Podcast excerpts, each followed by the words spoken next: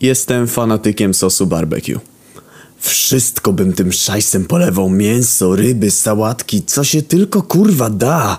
Używam go nawet zamiast tłuszczu do smażenia. Jestem zwyczajnie uzależniony. Sos barbecue to moja heroina. Jak se kilka dni temu wyprawkę do roboty zrobiłem, to całość ojebałem jeszcze w autobusie po drodze do biura. Do pracy wszedłem cały upierdolony, bo przecież nie dość, że jem jak świnia, to jeszcze współpasażerowie ciągle się ocierają i szturchają, bo lgną do mnie ze względu na sos przecież. W firmie nikt nie chce obok mnie siedzieć i piszą tylko skargi do góry, że w całym biurze śmierdzi jak w jebanym Bobby Burgerze. Wałówkę trzymam u siebie w biurku, w związku z czym nie bardzo wiadomo jak niby miałoby nie jebać, ale ludzie są sami sobie winni, bo jak w lodówce zostawiam choćby kapkę dla siebie na później, to 5 minut i nie ma. Zawsze ktoś zapierdoli, żeby w miodowej ambrozji umoczyć swoją rozpaćkaną kanapkę z ogórkiem. Jak za namową dziewczyny udałem się do lekarza, żeby mi coś na to poradził, to facet kazał mi dać sobie trochę na spróbowanie, co by jak to ujął, empirycznie zbadać sprawę, jak to na naukowca przystało. Wyjąłem więc kapkę z pojemniczka próżniowego, co to go zawsze za pazuchą trzymam, żeby móc se chociaż powąchać, jak mną zaczyna telepać, albo wetrzeć odrobinę wdziąsła, jeśli pojawia się też ślinienie.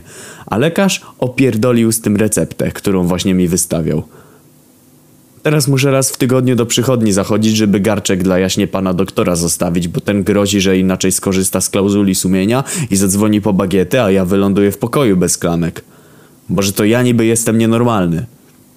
Inna sprawa, jak to wpływa bezpośrednio na moje życie osobiste. Wyjść na miasto z ludźmi ciężko, bo jak nie burgerownia czy inny steakhouse, to jak gdzieś do tego, co aktualnie jest serwowane, nie podadzą sosu barbecue, to o ile nie jestem pijany albo akurat nie zapomnę, to się obrażam i wychodzę.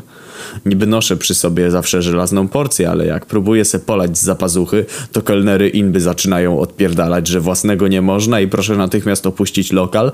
No więc wychodzę, ale zawsze skromnym krzykiem staram się podkreślić, że opuszczam ten przybytek z własnej, nieprzymuszonej woli, a nie w wyniku faszystowskich praktyk managementu lokalu.